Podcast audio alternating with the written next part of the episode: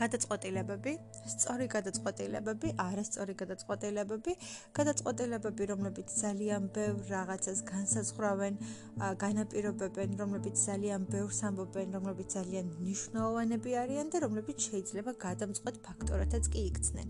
და მომენტი, როდესაც ხშირად გვესმის ფრაზა სწორი დრო, სწორი მომენტი, სწორი ადგილი, სწორი გადაწყვეტილება და სწორი ქმედება.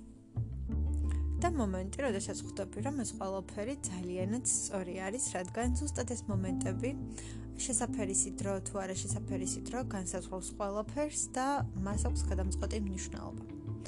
აა ძალიან ბევრ რაღაცას ამბობენ, ძალიან ბევრ რაღაცაზე მეტყოლებენ და ძალიან ბევრ რამეს განსაზღვრავენ და განაპირობებენ. ჩემი მაგალითი, რომელზეც ვაპირებ რომ მოვყვე და გაგიზიაროთ დღეს სამ ყველაფრის მაგალითად, არ ვიცი ჯერჯერობით რამდენად კარგ მაგალითად გამოდგება. თუმცა აქამდე მიღებული შედეგების მიხედვით თუ ვიმსჯელებთ ამ კუთხით გაგიზიარებთ და გეტყვით.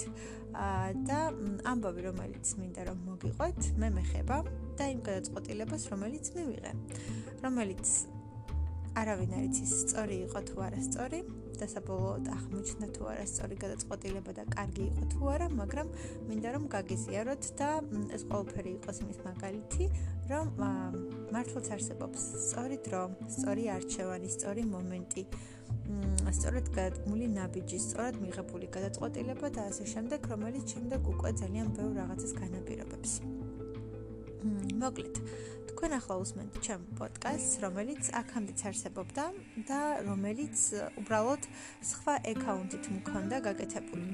შემდეგ გადავწყვიტე, რომ ეს აკაუნტი გამეუქმებინა გარკვეული მიზეზების გამო. რაღაცები აირია, მოკლედ.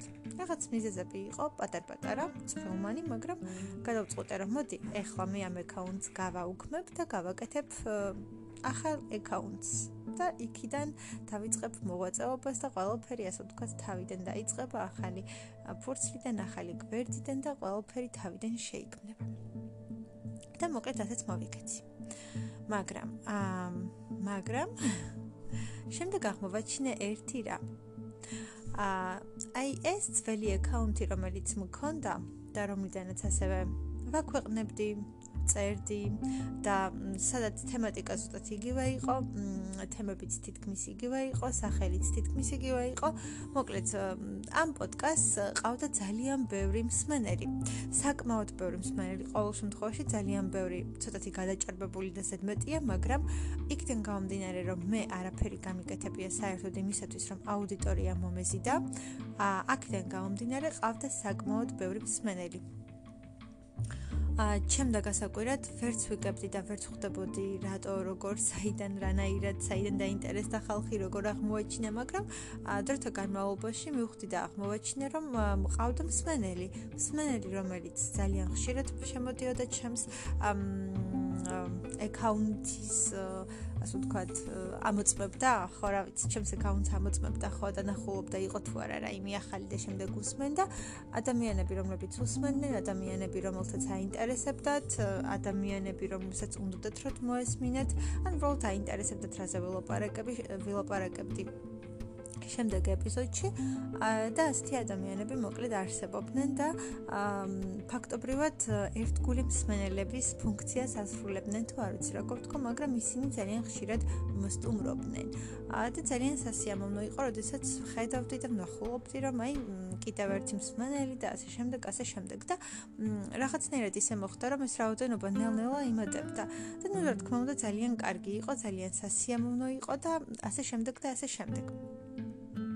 და შემდეგ უკვე გავაკეთე აი ეს ახალი აკაუნტი, სადაც არც თუ იმდენი მსმენელი მყავს, ჯერჯერობით ყოველ შემთხვევაში რამდენიც წინა აკაუნტს ყავდა და მე მივხვდი რომ ცოტათი არასწორი გადაწყვეტილება იყო იმ კუთხით რომ ის აკაუნტი რომელსაც უკვე ყავდა მსმენელი ყავდა თავისი დაინტერესებული ადამიანები ადამიანები რომლებიც მსტუმრობდნენ აინტერესებდათ ნახულობდნენ და ყოველ შემთხვევაში ძალიან ისე ერთგულად იყვნენ განწყობილები, ეს ადამიანები უცბად გაქრნენ. და ძალიან ცუდი შეგრძნება იყო, იმიტომ რომ რაღაც სიამოვნო იყო, როდესაც ყოველ ჯერზე მხდებოდა რაღაც ახალი, ასე ვთქვათ, ხვდებოდა რომ ვიღაცა მომსმინა, ვიღაცას რაღაცა მოეწონა და ასე შემდეგ და უცბად ადამიანები გაქრნენ. და მე მე მივხვდი რომ ალბათ მაშინ როდესაც გავაკეთე ის წინა აკაუნთი ძალიან სწორი დრო იყო, ძალიან სწორი მომენტი იყო, რაღაცნაირად ყოველფერი ჰარმონიულად და კარგად იყო იმ მომენტში დაალგებული, რომ უფრო მეტი მსმენელი ყავდა, უფრო მეტი ინტერესი ქონდა ამ ყველაფერს, ვიდრე მაგალითად შემდგომ ჩერზე, როდესაც ეს ყველაფერი გავაუქმე და ხელახლა გავაკეთე. მიუხედავად იმისა, რომ განსხვავება რეალურად მართლაც არაფერი არ არის, თემატიკა იგივე არის, არ ვიცი, სახელიც თითქმის იგივე არის, არაფერი დიდი განსხვავებით არ არის ეს ახალი აკაუნთი შექმნილი. და ფაქტობრივად ყველაფერი თითქმის მეორდება, მაგრამ არ მეორდება მსმენელების რაოდენობა და დაინტერესებული პირების რაოდენობა და ეს არის განსხვავება. იქ კიდევ მყავდა მსმენელი, ერთგული მსმენელი, რომლებიც მელოდებოდნენ, რომლებიც ამოწმებდნენ, რომლებიც კიდევ და კიდევ უსმენდნენ ზოგიერთ მათგანს ყველა ეპიზოდი ქონდა მოსმენილი და აი ესე ინტერესით და მოლოდინით იყვნენ განწყობილნი და ეს რაღაც ყველაფერი სადღაც ჩაიკარგა. შეიძლება რომ ითქვას აი მომენტს როდის წვეთ და შემდეგ როდის აკეთებ, აქვს ძალიან დიდი მნიშვნელობა. თითქოს არაფერი დიდი მაგალითი და თითქოს არაფერი ისეთი განსაკუთრებული, მაგრამ ფაქტი არის, რომ პირველ შემთხვევაში ჩემი აქტიურობის და ჩემი ჩართულობის გარეშე აუდიტორია თავისით შეგროვდა, მოგროვდა და თან ისეთი აუდიტორია, ვისაც მართლაც აინტერესებდა და მოსწონდა ეს ყველაფერი და მეორე შემთხვევაში იგივე ჩემი არაჩართულობის და ძალიან დიდი აქტიურობის ან მონდომობის garaში რაღაცნაირად ისე ხდება რომ არც თუ ისე ბევრი მსმენელია და ჩვეულებრივად უფრო მეტად თითქოს შენ თვის და შენ გამო რა ვაკეთებ ვიდრე ვიღაცის თვის ასე ვთქვათ. და ხოი ალბათ ის არის რომ არსებობს მართლაც სწორი დრო სწორი მომენტი და სწორი ადგილი.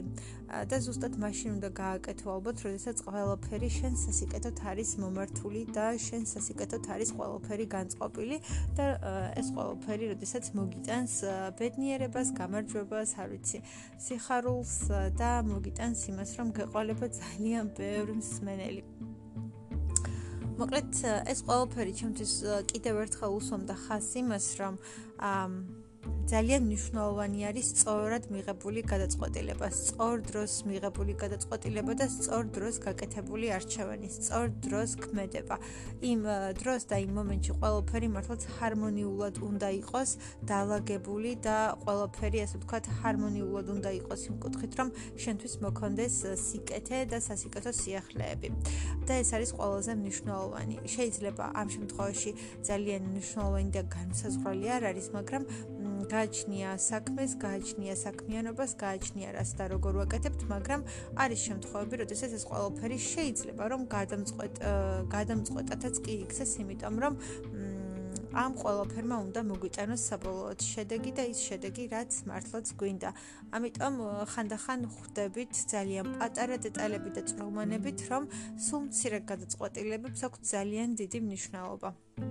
ერთი და იგივე მასალა, მასა ვთქვათ, ერთ შემთხვევაში შეიძლება გამოიღოს სასურველი შედეგი, მაგრამ მეორე შემთხვევაში ზუსტად იგივე შეიძლება ვერ გააკეთოს ეს ყველაფერი და პირველ შემთხვევაში თუ სასურველზე მეტი შედეგი ქონდა, ისე რომ არაფერი გაგიკეთებია, რეალურად მეორე შემთხვევაში ზუსტად იგივე საწვდი, ასე ვთქვათ, მომხმარებელს, მაგრამ რატომღაც ის შედეგი არ არის. და თითქოს რაც არ უნდა გააკეთო, რაღაცნაირად ვერ აწონებ თავს თუ არ გამოდის ისეთი თუ არ გამოდის კარგი და ამ შემთხვევაში აღარ არიან ის ადამიანები ან ის დაინტერესებული ადამიანები და რაღაცნაირად ვერ აინტერესებს ასე ვთქვათ მათ ან რაღაცას და ასე შემდეგ შეიძლება ანუ შეიძლება პროდუქტი ძალიან ხშირად იყოს ერთი და იგივე, მაგრამ იყოს პერიოდი, როდესაც ეს ყველაფერი ამართლებს და იყოს მომენტი, როდესაც ეს ყველაფერი არ ამართლებს. ასე რომ ამით უბრალოდ მინდოდა მეთქვა, რომ ძალიან დიდი მნიშვნელობა აქვს ჩვენ გადაწყვეტილებებს, მიღებულ გადაწყვეტილებებს და იმას თუ როდის ვაკეთებთ ამ ყველაფერს.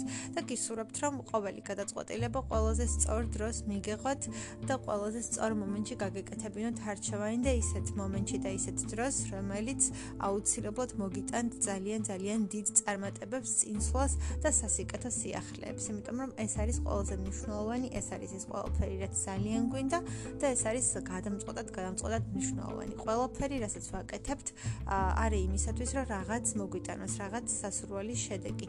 და ალბათ ყველაზე მეტად ველოდებით ამ შედეგს. ამიტომ ძალიან მნიშვნელოვანია, რომ ეს შედეგი იყოს, ეს შედეგი დაინახოთ და თქვენთვის სასურველი სიახლეები მოგიტანოთ.